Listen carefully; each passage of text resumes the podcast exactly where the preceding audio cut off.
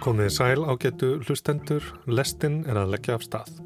Og leiðarvísir dagsins hljómar svona, dagur útvarpsins og Walter Benjamin, kvart og kvein og gaman ópera í þjóðleikús kjallaranum.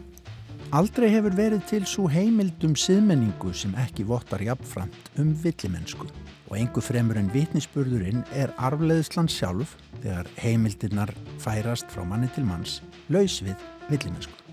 Kvart, nöldur, röfl, nagg, töð, væl, þras og svo mætti lengi telja.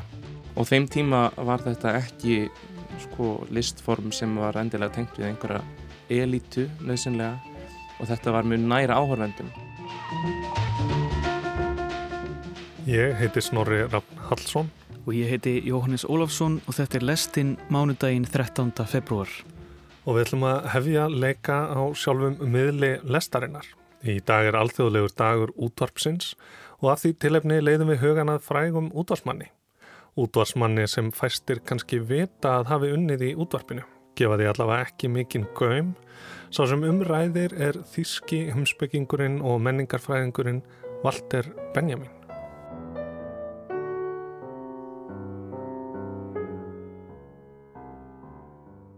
Til er mynd eftir kleð sem heitir Angelus Novus. Á henni getur að líta engil sem virðist vera fjarlægast eitthvað sem hann starir á. Augun eru glent upp, munnurinn opinn og vangirnir þandir. Þannig hlítur engil sögunar að líta út, hann snýr andliti sínu að fortíðinni. Þar sem okkur byrtist keðja atburða sér hann eitt allsherjar hörmungar slis sem hleður án afláts rústum á rústir ofan og slengir þeim fyrir fæturónum.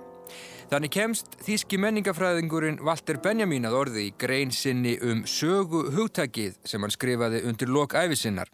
Við heyrðum hér annan merkan útvarsmann, Eirik Guðmundsson heitinn, lesa úr grein Walters Benjamin um sögu hugtakið, eina þekktustu og áhrifamestu grein Benjamins. Walter Benjamin lifði áhugaverða tíma, sögulega tíma. Fætturinn í efnaða fjölskyldu Askenasi Gýðinga í Berlín 15. júli 1892 stitti sér aldur 20. september 1940 í spænska smábænum Port Bú við landamæri Fraklands. Notaði til þess morfín hafi verið á flotta undan nazistum. Hraktist frá Berlín til Parísar til Spánar, gafst upp. Grafskrift hans á látlausri gröf er úr sjönda hluta greinarinnar um söguhugtakið. Aldrei hefur verið til svo heimildum siðmenningu sem ekki vottar jafnframt um villimennsku. Og í greininni heldur hann áfram. Og engu fremur en vitnisspurðurinn er arfleðislan sjálf þegar heimildirnar færast frá manni til manns laus við villimennsku. Walter Benjamin var ekkert óviðkomandi. Frímerki, upplýsingin, sagan, listaverkið, leikfangabúðir, kvikmyndir, ljósmyndir, arkitektúr, arkeológia. Og hann var eitt fyrstur hugsuða til að velta fyrir sér mætti fjölmiðla, fjölda dreifingar, fjölföldunar, þarna á fyrir hluta 20. aldarinnar. Einmitt á þeim tíma sem fjöldin sjálfur kom til sögunar, fjöldin skapaði og breytti sögunni. Um fjölföldun listaverksins sagði Benjamin. Í raun hefur alltaf verið hægt að fjölfalda listaverk. Menn gáttu ætíð líkt eftir mannaverkum. Slíkar eftirlíkingar gerðu listnemar til að æfa sig, meistarar til þess að útbreyða verk sín og enn aðrir til að græða á þeim. Tæknileg fjölföldun listaverks er hins vegar eitthvað nýtt. Jafnvel í fullkomnustu fjölföldun verður eitt útundan. Það sem við getum kallað hér og nú listaverksins hinn einstaka tilvist þess á þeim stað sem það er niður komið á. Hið upprunalega stendur utan allrar fjölföldunar. Listaverkinu fylgir sem sagt ára sem aldrei verður fönguð í eftirmynd. Nærvera listaverksins gerir það einstakt en á tímum tæknilegar fjölföldunar glatast þetta. Þegar greinin var skrifuð hafði kvikmyndalistin rutt sér til rúms tekið í einhverjum skilningi við af bókmentum, leikúsi og myndlist sem leið til að fanga og byrta veruleikan. Kvikmyndalistin saminar sjón og hern, auga áhorfandans fellur saman við linsu myndavilarinnar, eirað við hljónemann. Viðfangsefnið er fest á filmu, heildin, skorin upp og klift, raðað saman á ómögulegan hátt. Veruleikin byrtist fyrir tilfelli blekkingar tækninar. hann eru þetta mikið í alls konar íhlaupa verkum og ferillin hans eru þetta að mörgu leitið aldrei sérstöður vegna þess að hann, hann lendir í raun og veri í þessum vandræðum að byggja upp sinn akademiska feril í, í kringum dottorsreitgeð og annað og fá stöðu þannig hann er mikið í smerri verkefnum hér og hér og þar og, og líka kennsluverkefnum og skrifum öðru og það er kannski svolítið hluti af þessu svolítið sérstæða svona uh, höfundarverki hjá, hjá fræðimanni. Hann er að glýma við með ólík skrif, bladagreinar og vinnu fyrir útvarp og svo framvegs og, og raðast kannski saman svolítið á þann hátt og það sprettur að hluta til líka því hvernig hann í rauninni þarf að vinna og skrifa og, og búa til og flytja alls konar efni bara til að framfleita sér. Benedikt Hjartarsson, professor í almennri bókmyndafræði við Háskóla Íslands. Það litast af, af sko vittakendahópnum og líka af daldi þessum ólíkum miðlum sem hann er að vinna inn í og skrifa inn í og það eru þetta eitthvað sem að ámikið hans áhuga líka, miklu áhugi á í rauninni nýjum miðlum, bæði útvarpinu, sjónrænu miðlum og, og í raunin þessir kvikmyndin og svo framvegist þar að segja þessir nýju fjöldaframleitu uh, miðlar eða fjölfölduðu miðlar sem hann er í raun og veru mjög heitlaður af líka bæði möguleikar sem að, sem að opnast þar og eins hvernig þetta kallar á nýja tegund af, af fagurfræði og, og, og sköpun og gaggríni kannski. Þau örfáu ár sem Walter Benjamin fekk að lifa án stórvægilegra fjárhags áhyggja áttan gömlum skólafélaga Ernst Sjön að þakka en hann vann á útvarstöði Frankfurt. Útvarpið var nokkuð nýtilkomin miðill og miðlaði aðalega menningu. Der Rundfunk bricht. Achtung! 20. og annan desember 1920 fóru fyrstu útdarpsbylgjurnar um ljósvakan. Atugið, atugið, þetta er Königs Wusterhausen á útdarpsbylgju 2700. Þannig hófust jólatónleikar hljómsveitar starfsmanna Þíska ríkispóstsins sem leku í útsendingarhúsi rétt fyrir utan Berlín. Hljómurinn óskýr, brak, brestir, tröflanir, geim, kliður. Die Westen stiehlt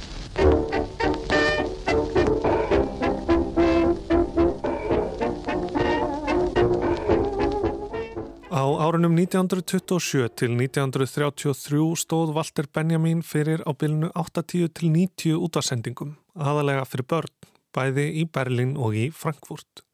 En það er ekki fyrir nýlega sem þessar útvarsendingar hafa fengið einhverja aðtekli. Þeim hefur verið sapnað saman og þýtt yfir á ennsku. Benjamin lísti þessu líka sjálfur sem vinnunni sem hann vann einfaldlega til að eiga í sig og á og hann væri engungu áhugaverð í fjárhagslegum skilningi. Engar upptökur voru gerðar, handreitin varðveittust fyrir hálfgerða slistni. Benjamin hafði skilið hluta skjálasapsins eftir í París þegar hann flúði, verk sem honum þótti minna merkileg. Gestapó gerði þau svo upptæk en gemdi þau óvart með dagblöðum sem ekki voru eðilögð. Handritin höfðu viðkomu í Sovjetríkjunum þar til þau komist loks til listaakademíunar í Östur Berlin. Og engu fremur en vitnisspurðurinn er arfleðisland sjálf þegar heimildirnar færast frá manni til manns, laus við villimensku.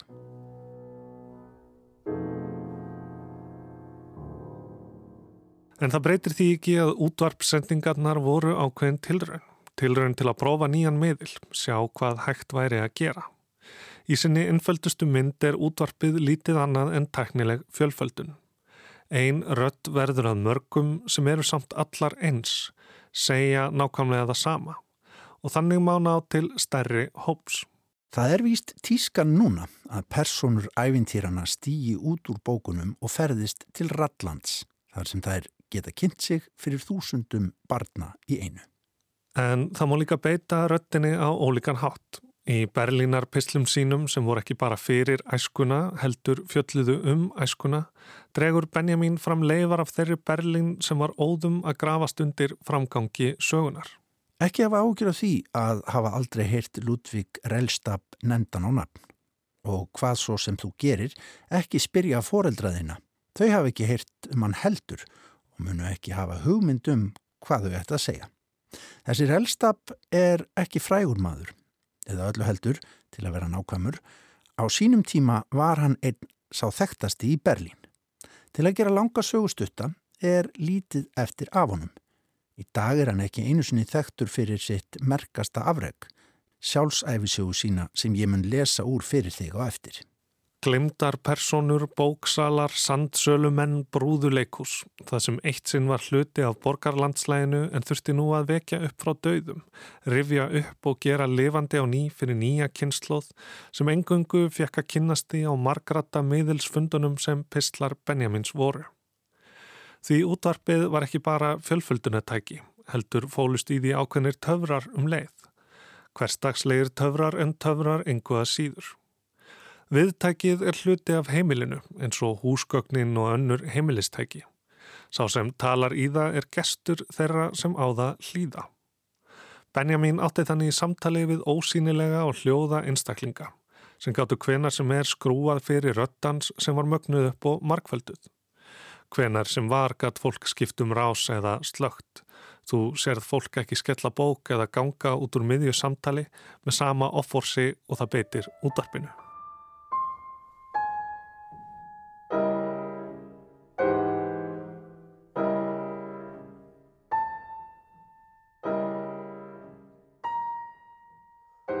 Í þessu fælst í senn nánd og fjarlægt. Röttin er hér og nú en hún berst úr fjarska. Henni fylgir engin líkami. Hver er það sem talar og hvaðan?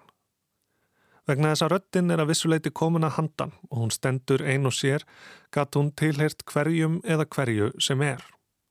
Og það voru ekki bara Benjamin, þeir sem hann vitnar í og personur úr sögum og leikritum sem ávarpuðu hlustendur, heldur líka fyrirbæri eins og 19. öldin í heilsinni, rött romantíkurinnar og rött upplýsingarinnar. En í útvarsverkum Benjamins má einni greina tilfinningu fyrir yfirvóðandi hamþörum. Hann segir ungum áherendum sínum frá Pompeii, leikúsbrunanum í Kanton, Lestarslísinu við Firth of Tay, flóðinu í Mississippi 1927. En jarðskjáltin sem laði Lissabon í rúst 1. november 1755 var ekki stórsleis eins og þúsund annara. Að mörguleiti var það einstakt og undalegt og það er það sem ég vil tala við þig um.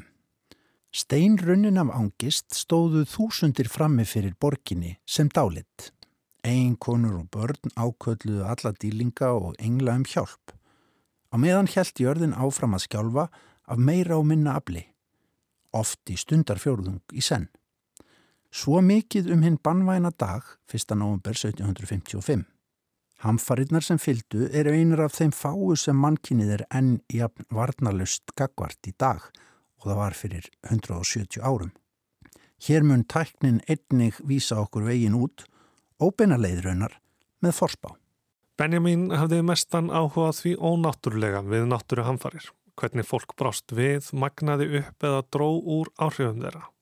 Oftar raunar það fyrrnemda og hann sá útvarpið fyrir sér sem leikús fræðslunar, leið til að rifja þetta upp, leið til að styðja við frjálsa og sjálfstæða hugsun. Sá þáttur sem, sem liggur í gegnum allt höfundarverki hjá Benjamin getur við sagt að einhverju leiti það er sagan og, og sögu vitundin. Þetta að, að varðveita í raun og veru söguna og skrifa gegn glemskunni og gegn henni ofinberu sögurskoðun. Það eru þetta þessar frægu sögu tesur eftir hann sem að skrifa undir, undir lokin og þar notar að meðal annars þessa, þessa líkingu að uh, strúka sögunni á móti hára læginu. Það er að segja að fara gegn henni sko ofinberu sögu, róta upp í sögunni og, og kannski komast niður á þessi lög og reynsluheim og heimsmynd þeirra stjætta og hópa sem hafa voruð undir í, í sögunni. Og þetta kannski snýr líka að áhuganum á í raun og veru henni, nýliðnu sögun ákveðin heimur, ákveðin samfélög þar sem að hættir við að, að, að falli í glemsku að vinna með, með söguna er stöðugt verkefni í rauninni og við erum alltaf að fá nýtt sjónarhóttn á fortíðina og söguna. Hún talar til okkar með öðrum, öðrum hætti. Það er alltaf þetta, svona Benjamin myndi segja, þetta dialektíska samband okkar við söguna. Við, við tölum við hann og við speiklum okkur í henni, við sjáum hann og skiljum hann á, á annan hátt og kannski fyrsta, í fyrsta sinnjafel getum við frá setni tíma sjónarhóttni skilið söguna og átt á okkur á henni, sett henni í samhengi. Þannig að þetta eru svona spurningar sem hann er mjög, mjög upptekinn af.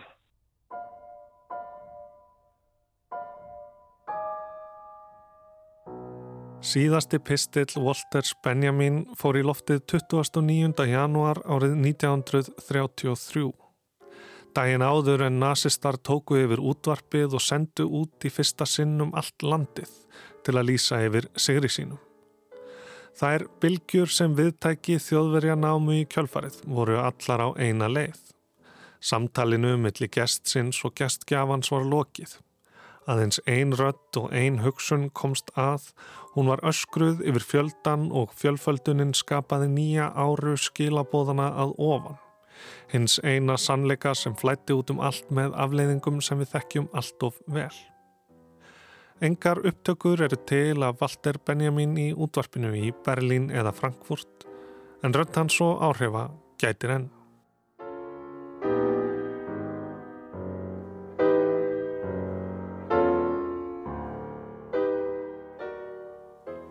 Brot úr pianoverki eftir Theodor Adorno frá árinu 1921. Adorno og Walter Benjamin sem Guðni Tómasson lekir fyrir okkur voru kunningjar, bræður í anda. Hvort hefði verið rétt ákvörðin hjá Adorno að hætta tónsmýðum og leggja fræðin alfarið fyrir sig, það er ekki mitt að dæma. En uh, næstur á mælendaskrá hjá okkur hér í lestinni er Patrekur Björgvinsson sem var með pistla í þættinum á síðasta ári þar sem hann veldi fyrir sér fyrirbærum í alþýðu menningu Íslendinga. Og í ljósið þess að það er mánudagur og veðrið er eins og það er, þá ætlum við að revju pistil Patreks um listina kvarta og töða.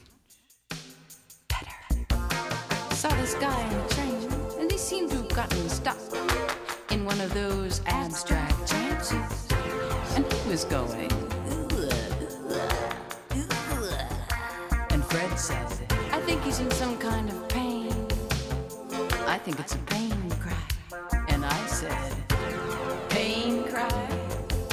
Then language is a virus. Language, it's a virus. Við sem búum á Íslandi eigum okkur hefðir og siði í tungumálinu og samskiptum. Oft er það nefnt sem skemmtileg staðrind hversu mörg orð við eigum yfir hinn ímsu veðubriði en það tölum við um fátt annað en veðrið. En við tölum ekki bara um veðrið, í flestum tilfellum kvörtum við yfir því. Sumrin getur alltaf verið betri og ef ekki þá reyfjum við upp sumari áður. Veturnir eru ímistof kaldir eða snjólittlir og grasið annarkvort of seint eða of snemma að grenga á vorin. Raunar er veðrið ekki það eina sem við kvörtum yfir.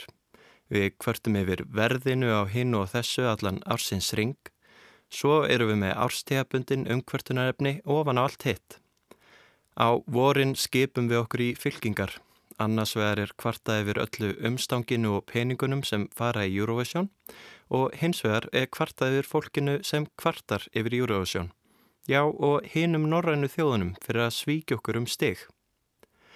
Á sumrin kvörtum við yfir að komast ekkert fyrir ferðamönnum og svo þegar líða tekur á haustið þá kvörtum við yfir hversu snemma jólalögin byrja í útvarpinu.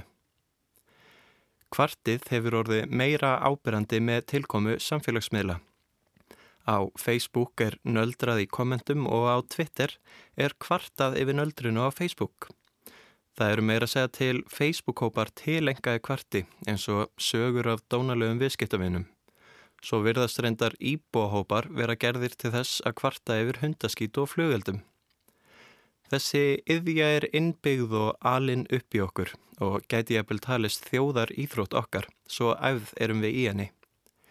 Ég heyri það sjaldan nefnt sem skemmtilega staðrind hversu mörg orð við Íslandikar eigum við kvart þó það sé álíka áhugavert og jafnvel betur lýsandi en veðurorðin Kvart, nöldur, röfl, nagg, tuð, væl, þras og svo mætti lengi telja.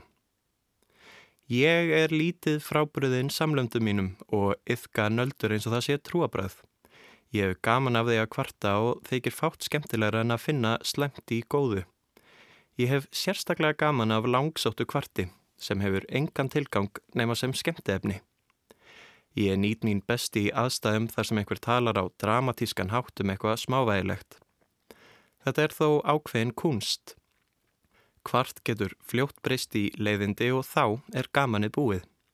Það er línudans að lenda ekki í bagtali eða slúðri þó flestir taki endurum og eins þátt í svoleiðis óskunda.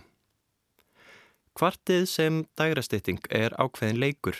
Í mínum augum þarf kvart að byggja á einhverjum raukstunningi má ekki veri of mikilli sjálfsvorkun og passa þarf að það snúist ekki upp í leiðindi.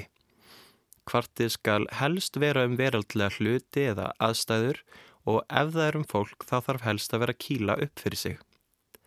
Fyrir mér skal kvart ekki endurtekið við sömu manneskuna nema nýru vingill finnist. Mér leiðist að heyra eða segja sömu skoðunina aftur. Ég hef sérstakka ánæg af því að kvart undan einhverju sem trubla mig í rauninni ekki neitt. Þá fæl skemtanagildi í því hversu langsóttur ég get verið. Ég byrja á því að ákveða hlutin sem ég tek fyrir og veit að niðurstaðan á að vera að hann pyrra mig. En leikurinn fælst ég að finna leiðina frá A til B, frá atbyrði til pyrrings. Mér finnst sá sem kvartar ekki einu sinni þurfa að vera sammála því sem hann segir. Hann þarf bara að geta raukstutt hvernig hann komst að niðurstöðunni. Ég geti setið stundunum saman og hlustað á einhvert segja frá því í smátrum hvernig eitthvað lítilvægilegt er áras á hann sem personu eða friðin sem hann á rétt á að búa við. Aðal atrið er að kvartið sé leikur. Til þess að leikurinn geti hafist þarf að eiga sér stað sameinleg upplifun, svo ferða eftir hversu vel fólkið þekkist hvernig kvartið byrjar. Ef það þekkist mjög vel er hægt að leysa frá skjóðunum leið. Jafnveil er gefin vísbending með augnaráði á meðan atbyrðurinn á sér stað um að þegar næði gefst verði kvartað yfir atbyrðunum. Hins vegar, ef fólk þekkist lítið, það á sér stað eins konar forleikur þar sem jarðvegurinn er ansakaður. Annar kastar jafnvel frá sér beitu í formi spurningar á borði Hvað fannst þér um þessa upplifun? Þá er oft óbeint verið að byggjum leifi til þess að fá að kvarta yfir upplifuninni. Þá liggur í höndum móttakanda hvort hann býti á agnið eða ekki. Eins getur beitan verið í svari eða staðhæfingu sem gæti virst jákvæð á bladi en er sögð með þannig blæbriðum að móttakanda gruni að eitthvað meira búi að baki. Við tökum dæmi. Tveir fara saman í bíó og á leiðinu út spyr annar þeirra. Jæja, hvernig fannst þér? Hinn hikar það jafnvel fyrst og segir Já, ég veit ekki, bara fínt. Þá er það í höndum spyrjandans að veiða upp úr þeim ávarpaða hvað það er sem hann er ekki að segja. Mörg hafa gaman að þessum forleik og finnst að hluti skemmtunarinnar við það að kvarta. Þau haldunum því áfram jafnvel þótt þau þekkist mjög vel. Þá geta þau látið eins og þau vilji eiginlega ekki vera að segja það sem þeim finnst þau sé ekki svona neikvæð. Þau hefðu aldrei tjáð þessa skoðun ef hún hefði ekki verið veitt upp úr þeim. Kanski er það samt ekki kvartið í sjálfu sér sem gerir leikin skemmtilegan.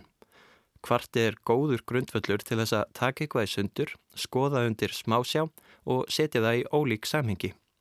Skemmtinin fælst í því að þurfa að útskýra niðurstöðu sína og ferðalagið aðinni og því fleiri krókar og kímar sem er á ferðalaginu því skemmtilegra. Kanski er það vandamál sem ég þarf að skoða hjá sjálfu mér en nöytnin verður samt ekki svo sama þegar jákvæðir hlutir eru kröfðir til merkjar. Ég lendir reyndar sjaldan í þeim aðstæðum að mér þykir tílefni til þess að ræða nákvæmlega af hverju mér finnst eitthvað vel hefnað. Ef ég til dæmis er með einhverjum á veitingastað og við samanlumst um að maturinn sé frábær, þjónarnir indisleir og sætinn þægileg, þá er ekkert til að krifja. Ég held að við fáum líka eitthvað út úr því að heyra aðrir séu sammála á kvartin okkar. Við upplifum einhverja hugunni því að við séum ekki þau einu sem eru svona smámunasum. svo held ég að það sé ekkert sem saminar jafnvel og sameileg þjáning eða þrauturinn og því styrkjum við vinabönd með kvarti. Mér þykir frekar vænt um þessa tilneiku landans til þess að kvarta yfir öllu. Ég vil trúa því að það hafi ekkert að gera með eigin leiðingirni, frekar væntum þykju minni til hefða þessa lands. Hefðin er svo rótgróin að þegar við lýsum einhverju einstaklega velhæfnuðu, þá segjum við, það er ekki hægt að kvarta yfir þessu.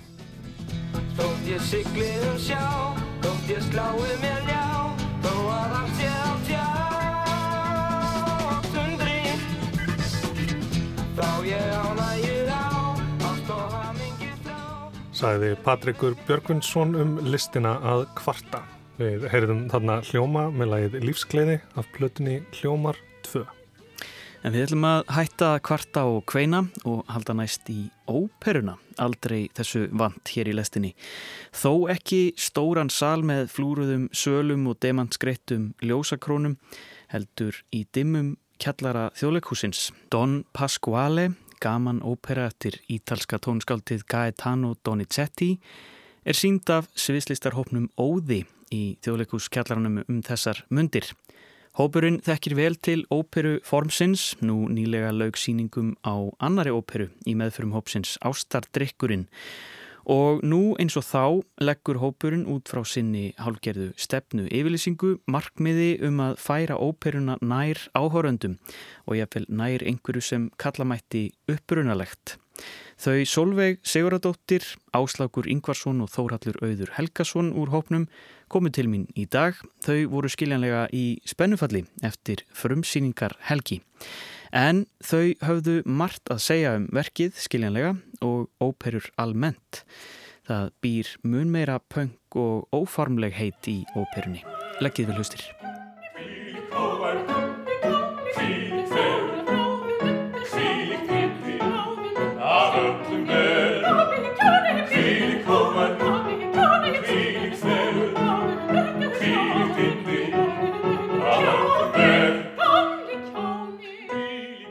Svona það sem við lögðum upp með strax með ástardrykkin og hefum bara haldið áfram að þróa núna í Dampa skvali er það að, að við viljum í rauninni færa þetta form bæði nær áhorvendum og þeim sem eru ekki innvíðir í þessa óperusinu en svo á sama tíma það bara vill þannig til að við erum í rauninni líka að færa þetta nær því sem það upphaflega var að mörguleiti og mjög að Dampa skvali er, hún var frumsýnd fyrir 180 árum síðan og þeim tíma var þetta ekki sko listform sem var endilega tengt við einhverja elitu nöðsynlega og þetta var mjög næra áhörvendum þessi, þessi mikli aðskilnaður milli áhörvenda og síðan er sko risastór hljómsveitjagrefja á milli og svo þaðan áfram eru, eru söngvararnir. Og þetta var ekki svona á þessum tíma. Og uh, á þessum tíma voru líka óperuna bara fluttar fyrir almúan þarna sem að talaði ítölsku og svo setna þegar Tom Pasquale flytti sig yfir til Fraklands það var hún flytt á fransku til þess að fólkið í áhörvendasalunum gæti bara mættin á síninguna þess að vita neitt um hvaðan fjallaði fylst með sögutræðinum með þessu fólki sem var að syngja nálat sér og skilið þetta þetta var bara bíó mm. í þá daga mm. og það er það sem okkur tekst að gera þarna í, í kjallaranum að Solveig náttúrulega þýtti allt verkið yfir á nútjáma íslensku og við gerum þetta alveg að okkar. Við uppgötum verkið upp á nýtt og, og finnum hvernig það er raugrétt fyrir okkur. Rétt eins og það var uppgötað á þeim tíma sem þetta var fremstingt fyrst mm -hmm. hvernig það var raugrétt fyrir fólkinu þá. Þannig að við erum ekki að sveia og beigja verkið eftir einhverju svona einhverju svona einhverju gimmiki okkar megin. En við erum aftur á móti að reyna að sjá hvaða þýðingu hefur þetta fyrir okkur. Og það er alveg ótrúlega æðislegt að geta, sko við tegjum sviðið í kjallaranum alveg út í áhörvendasalinn við erum út um allt, við erum á milli fólks við erum að syngja mm -hmm. raunverulega á það og hérna og maður bara finnur, það er bara eins og maður hafi bara svona uh, púlsmæli á hverjum einasta áhörvenda í salnum, mm. að maður finnur fyrir því sko hvernig, hvernig salurinn ætti ég að tegja þetta hérna aðeins lengur núna mm. leifist mér að gera þetta á þessari síningu, já ég held það bara, ég held að gera þetta Svona, Þannig að það er smá spuni, spuni líka eða svona inn, inn, inn í þessu Síningarnar eru allir eru settar saman í spuna. Minna við erum að fylgja tónlistinni en, en mm -hmm. Tómas er leikstjóri og, en við höfum öll okkar svona, við höfum öll eh, mikið um þetta að segja. Við höfum öll Já. skoðanir. Og þær fá allar rými til þess að heyrast. Og svo ástættir ykkur held áfram að þróast lungu fram með frumsýningu þetta var aldrei sama síningin og það er sömulegis með Dón Pasquali bara núna á frumsýningunni, ég gerði eitthvað sem við vorum lengur búin að ákveða að hætta við. Mér fannst það bara að virka, mhm. svo spyrði ég eftir var þetta ekki alltaf ræði? Jú, þetta, jú, þetta var rétt með því þú ættir að gera þetta.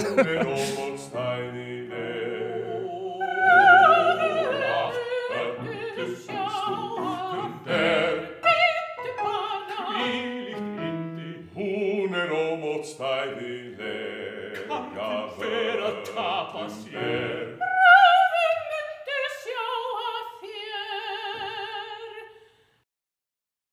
Þetta er átt að vera skemmtur, þetta er gaman ópera en það er náttúrulega það er áhugavert að alls konar hlutir sem við tölum um í samfélaginu í dag og við höldum stundum í nútímarum að við séum eitthvað að tala um eitthvað tala um eitthvað alveg í fyrsta skipti en fólk er bara búið að tala um alls konar hluti í mjög langan tíma og, mm -hmm.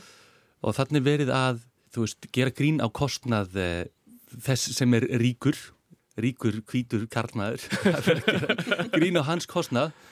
Og, uh, og það er klálega að vera að velta fyrir sér uh, kyn hlutverkum í, í þessari síningu líka, skilju uh, og það er hérna sterk kona sem að er hérna að gera mikið grín á, á kostnað þessa manns. Og og þetta er, þetta er ennþá fyndið. Já, já. já einmitt, hvernig er, hvernig er húmórin og hvernig þýðist hann? Yfir sko ekki bara ítölsku heldur, heldur yfir aldir. Það er rosalega margt sem við eigum bara, við erum ennþá fólk sko, fólk árið 1850 var fólk. Flest yfirfærist mjög vel. En það er ekki takt að, að þýða allt sko, það er alveg öruglega mjög margir brandara sem töpuðust í þýðingunni. En svo getur maður líka bætt við. Sumt bætist við í þýðingunni, annar bætist við í ferlinu. Við erum ekkit að taka sko, við tökum þetta ekkit ofbáslega hátilega við leifum okkur að stitta og við leifum okkur að, að hérna, bæta inn í stundum mm. líka og mér finnst það að ég verðt að minnast á að sko oft þegar maður eða þú veist, þú veist að tala myndum daginn svolveg mm. að þú veist, það að, að, að bein þýða eitthvað þá þarf maður ekki að vera að tala um sko að bein þýða orð fyrir orð heldur sko bein þýða hvað setningin er það skilja sér oft síður en að þýða meininguna veist, hvert er intækið mm -hmm. í mhm. þessari ítölsku setningu? Mm -hmm. og hvað átt hún að þýða á þessum tíma? Og það sem að mér finnst vera sérstaklega gott í þessari þýðingu er það að þetta er flutt yfir á nútíma mál, ég menna þetta rýmar allt saman og stöðlar og höfustafir en þetta er ram íslensk ópera. En þið völduð þetta verk. Hver er staða þess svona í svona sögulegu samingi sko, þetta er gaman ópera eru er eitthvað svona hliðar kategória frá óperum? Það eru bara svo margar tegundir af óperum sko. Þannig svona sko svona ef þú ætlar bara að skipta í tvent þá getur þú skipt bara er þetta tragedi eða er þetta komedi eða er þetta gaman eða er þetta tragist um, en sko það eru til endalösa flokkanir og það er það er aldrei alveg löst við, ég meina eins og í þessu, þetta er gamanópera, já þetta er vissulega gamanópera, við erum samt ekki að nálgast þetta þannig að þetta, sko, við erum ekki að reymbast við að láta þetta vera fyndið, við erum bara að segja sögu. Mm -hmm. Það er, sko, það sem er fyndnast er það þegar við sjáum að þetta er fólk sem er að lenda í skrítnum aðstæðum eða fólk sem að, já. Mm, eða Þa, fólk sem er, að vorkinni sér já, svo já. mikið að, að það er hlægilegt. Já, en ef við værum að nálgast þetta þannig að við værum að gera grín að fólkinu Já.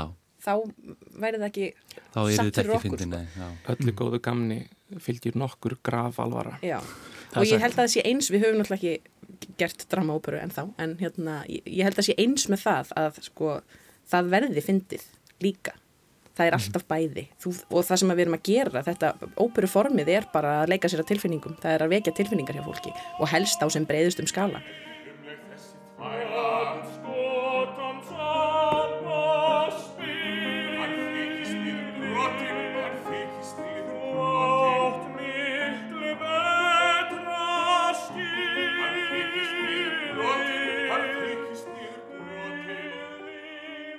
ræðum aðeins óperuformið. Mm. uh, þetta er svona þetta er náttúrulega eldgamalt form og fólk í dag tengi það kannski frekar við eitthvað sem er svona svolítið uppskrúfað og svona hátíðlegt en það er kannski ekki það sem að það er í raun. Og þeir eru svolítið að draga fram þetta svona meiri nánd og meira punk inn í þetta, þetta óperuform. Ég held að maður þurfa alveg að vinna fyrir því að koma einlægni til skila. Alveg eins og þú veist ef maður er að setja upp Shakespeare þá er hann settur fram í einhverjum pentameter, einhverjum sonnetum. Og þegar maður sér sko einhvern monologur Shakespeare þar sem að leikarin hefur lagt inn þá vinnu að innbyrða þennan texta þannig að maður trúir til raunverulega að fimm ára börn á þessum tíma tali svona. Veist, það er engin filter eða mm. það er engin sko veggur á milli áhörvenda og manneskjunar sem er á sviðinu. Þá, þá, þá gerist einhver galdur og þetta er svipað finnst mér í óperuforminu að þetta er svona hætent að einhverju leiti það er búið að lifta þessum veruleika upp á það plana, hér syngja allir sem er auðvitað fáránlegt. Og, og það að sko að yfirvinna þennan þröskuld þannig að fólk gleimi þessu og við reyninni komumst á það stiga tónlistin sé að hjálpa fólki að gefa sig á band þessara tilfinninga þegar manni tekst það þá er þetta algjörlega einstakt form. En þess vegna eru æfingaferðlin okkar svona laung og, og framanaf til mjög hæg og stefnulegs af því að við þurfum sjálf að fatta þetta. Mm -hmm. og það er, ekki, það er ekki hlaupið að því.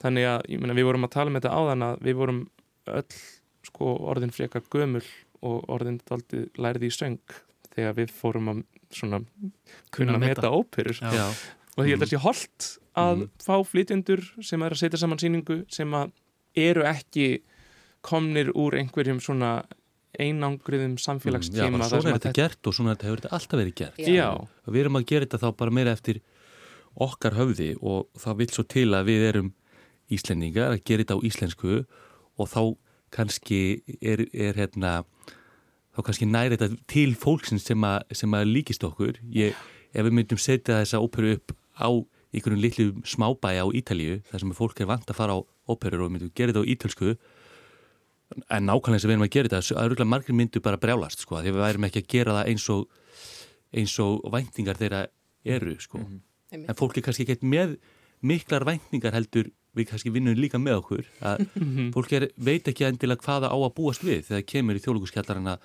horfa óperu á íslensku maður græðir ekkit endilega mikið á því að reyna að leika eitthvað eftir. Við getum aldrei sett þetta upp öðruvísi núna heldur en í samhengi við þess hvernig samfélagið er núna. Það sem við erum að reyna að leita að kannski er frekar sko einmitt eins og Þóruldur var að segja áðan sko það er að að þetta lendi á svipum stað í samfélaginu núna eins og þetta lendi þá. Mm -hmm. þar að segja þá var þetta bara hugsað til þess að skemta fólki. Og kannski, þú veist ég veit ekki, ég ætti að geta svona að ímynda mér það að ég geti að ég geti hérna vita hvað Donit Setti var að hugsa en já, það er maður þarf að hafa ákveðna þekking á því hvernig samfélagi var á þessum tíma en svo líka þarf maður að vera tilbúin til að sleppa takin að því og bara hugsa hvað virkar núna hvað mhm. virkar, mm -hmm. við ætlum bara að gera það sem virkar við prófum bara og ef það virkar það virkar það. Ég meina þegar við settum bástadrykki við höfum ekki hugmyndum hvernig þetta myndi lenda. Við vissum bara við, þetta var það sem okkur langaði til að gera með þetta og svo kom okkur næstu því á óvart að fólk skildi fatta það. Að fólk skildi sko, tengja við það, skilja hvað við vorum að reyna að gera. Þannig að, já, en sko kringum 1850 þá er, þá er fólk ekki, hvað að segja, þetta er ekki, það er ekki eins formlega upplifun að fara í leikurs þá eða í óperuna eins og það er núna eða eins og það var fyrir 50 án síðan mm. það er, fólk var að borða, fólk var að drekka um, ljósin voru kveikt í salnum þannig að þú sást, þó þú værir á sviðinu þá sástu áhörundur mm. það er ekki gert, ég held, að, ég held að það hafi verið Vagner sem fann upp á því að slekka ljósin í salnum mm. Um, þannig að fram að því þá, mm. hafi, þá var bara, voru ljósinn kveikt í salnum fólk var jafnvel að koma, koma að fara og, og hérna og ef það fannst eitthvað atriði flott í óperunni þá bara klappaði það meira og þá var hann mm. endurtekin og það er alveg dæmi um það og hefur skrifað um það að sumar arjur hafi verið teknar sko allt upp í sjösinum Það er fólk að ekki farið heim til sín og lusta á þetta nei, nei. Skilur, þetta er bara, bara ég kem inn að núna og wow, þetta var geggjað, ég ætla að fá að geti heyrið þetta aftur svo ég geti muna þetta bara og haldið áfram að raula þetta heima, þetta er geggjað. Og sko, ég meina við vitum það svo sem ekki hafandi ekki verið upp á þessum tíma og upplifa það en, en að minnst að kosti það sem að maður tilfinningi sem að færir að þetta hafi ekki verið svona formlegt eins og fólk upplifir þetta núna, fólk upplifir það svolítið mikið núna þegar það er að fara á óperusýningu að það þurfa að haga sér á ákveðin hátt. Það verði að sitja kyrkt í sætinu sínu mm. og þú mm. mátt alls ekki hósta á þessum stöðum og þú mátt alls ekki hlæja jafnvel sko, mm. þú veist á gaman mm. óperusýningu sem er fáranlegt við viljum bara að fólk komi og sé bara sem eðlegast mm. Sko, síning nummið tvö af ástæðardryknum hún var daginn eftir frumsýninguna og við vorum öll í spennifalli eftir frumsýninguna það var síning nummið tvö daginn eftir. Og hún var á föstu degi og hún var, byrjaði hún klukkan nýju eða eitthvað Já, hún var svona frekar, hún var frekar senkt á föstu degi. Hún hefði klukkan nýju. Og hérna... Fólk hafa búið að hita svolítið upp. Já, segja, fólk hafi farið í, í hérna, fordrykka bara eins og fórðu og borða þrýrjætta með vini og fórðu. Þannig að það er fólk mætti inn í salin, það var það nokkurt veginn rúlandi og þetta var æðislega síning. Stemmingin var svo suppuleg. Mm -hmm. Fólk var að kalla fram í fyrir okkur í síningunni og þetta var æðislegt. Við getum bara sett hann fyrir að vera núna þið get, sko, fólk má mæta og njóta síningarinnar á hvaða hátt sem að því finnst vera viðegandi því að við viljum halda þessu sko kviku. Að þetta mm. listform bara má, má vera sérstaklega hjá okkur hérna í þjóðlíkuskjallaranum að við viljum halda áfram ekki bara að þróa síningarnar og aukvæmt á hvað við getum gert heldur líka bara að skoða hvernig upplifin það getur verið að mæta á óbyrjusíningar því að við viljum endilega sko halda öllum þeim hurðum opnum. Já, við erum, það er eitthvað sem við erum að uppkvöta, þú veist, í, í þessu ferli, sko. Og... Já, og það er svo sem eitt annað með, sko, því við vorum að tala um svona upphaflegu hérna, nálgununa á þessa sögu og svo framvegis, að það er líka eitt sem við reynum að gera, er það þegar við erum að skoða síninguna, þá reynum við að skoða fyrst og fremst, sko, söguna mm. og, og hérna, og í reyninni, sko, við töluðum um þetta þegar við vorum að byrja að setja upp ástadrykking hvort við ættum eitthvað svona að vera stað og tíma að færa þetta upp á nútíman um, en upp úr þeirri umræðu komumstu í rauninni að þeirri niðurstöðu að mína, við höfum öll einhverjar hugmyndir um það hvernig fólk var, eða hvernig samfélagi var fyrir 200 árum, fyrir 400 árum, 1000 árum. Mm -hmm. Við höfum öll þessar hugmyndir um það uh, þannig að síningarnir eru bara settar upp í því umhverfi sem þær eiga gerast. Við erum ekki að segja nákvæmlega hvert ártalið er en við erum bara að segja að, að hér eru þessi karakterar. Við, þeir þurfa ekki að vera versla í 10-11 uh, að, því að, að því að sagan sem slík hún er ennþá tímalauðs þó að margt í sögunni myndi ekki ganga eins upp. Þetta er svona eins og í dag þegar fólk er að búið til krimma. Svona nýjir krimmar gerast vola ofta ára svona 1994 fyrir tilkomið snjálfsíma mm -hmm. því að það er svo miklu öðveldara að skrifa leinilegur uh, mm. þar sem að þú þarfst ekki að byggja á því að fólk geti fengið mm. allar upplýsingar strax mm. það er ekkit fjarlægara okkur í dag að horfa sögur sem gerist í þeim tíma manneskjötnar eru allar eins Já. Ég hef upp á orðan mæla Ég skal fulla aðtikli veita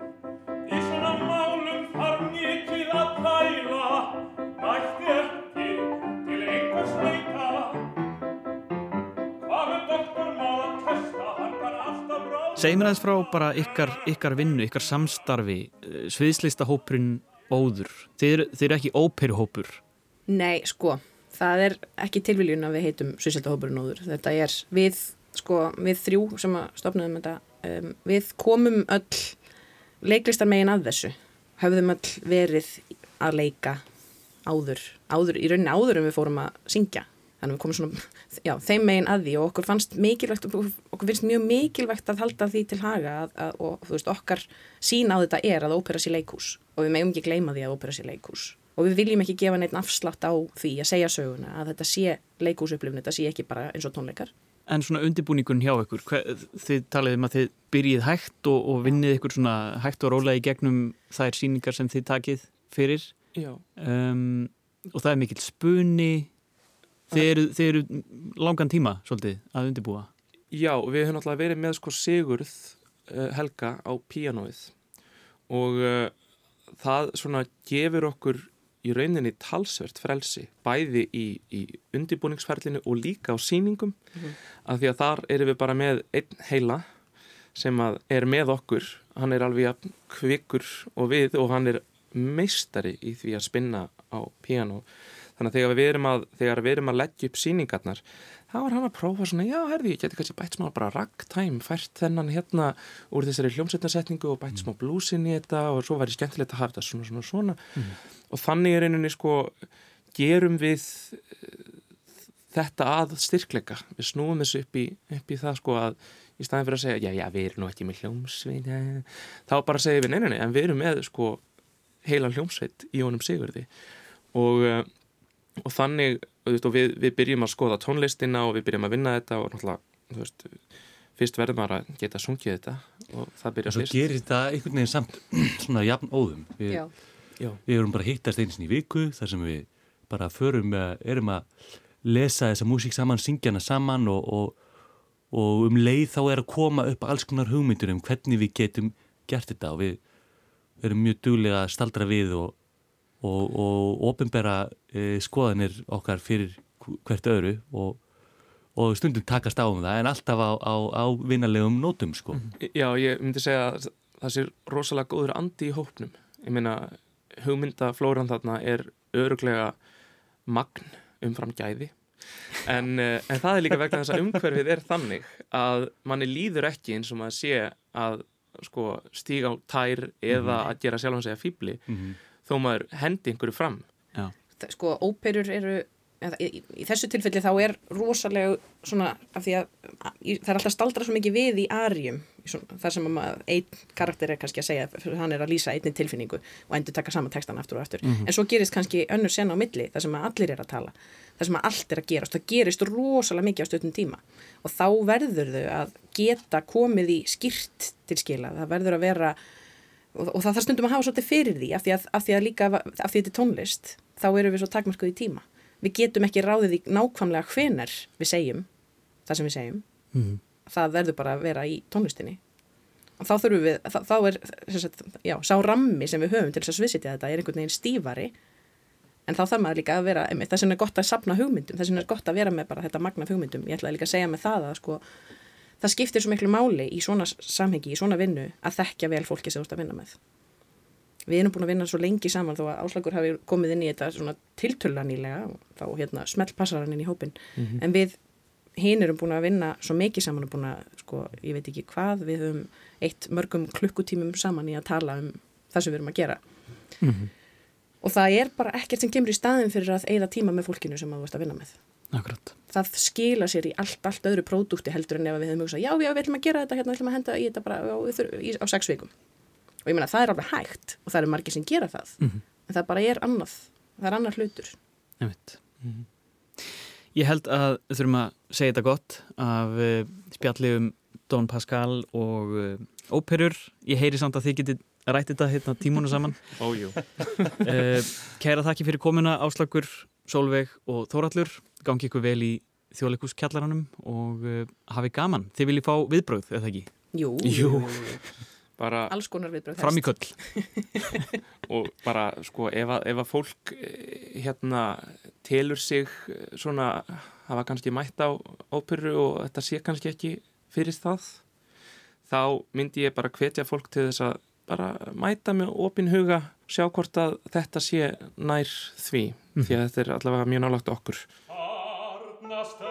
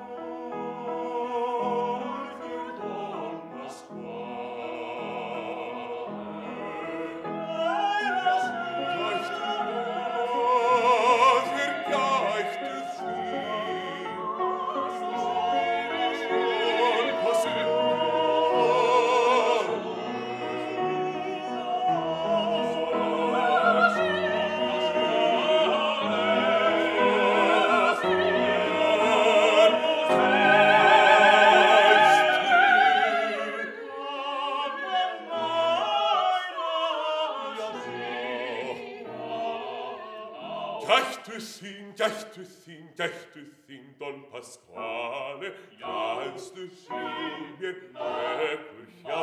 Gættu þín, gættu þín, gættu þín, hræðslu hún mér vekkur hjá. Ó já,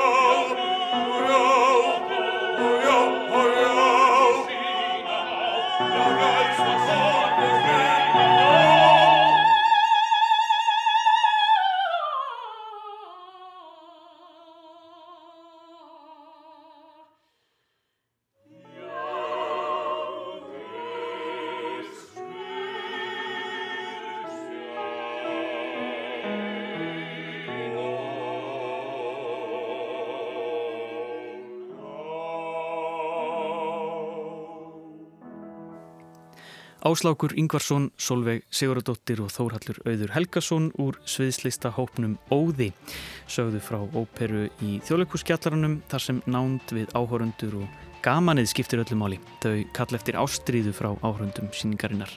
Helst með framíköllum og undarlega tímasettu klappi. Og við ljúkum þar með lestarferðinni þennan mánudaginn eftir útvarpsávörp, kvart, kvein og óperur. Við Jóhannes og Snorri þökkum fyrir okkur. Tæknimaður þáttarins var Þorbjörn Gísla Kolbúrnason. Takk fyrir samfélgina og verðið sæl.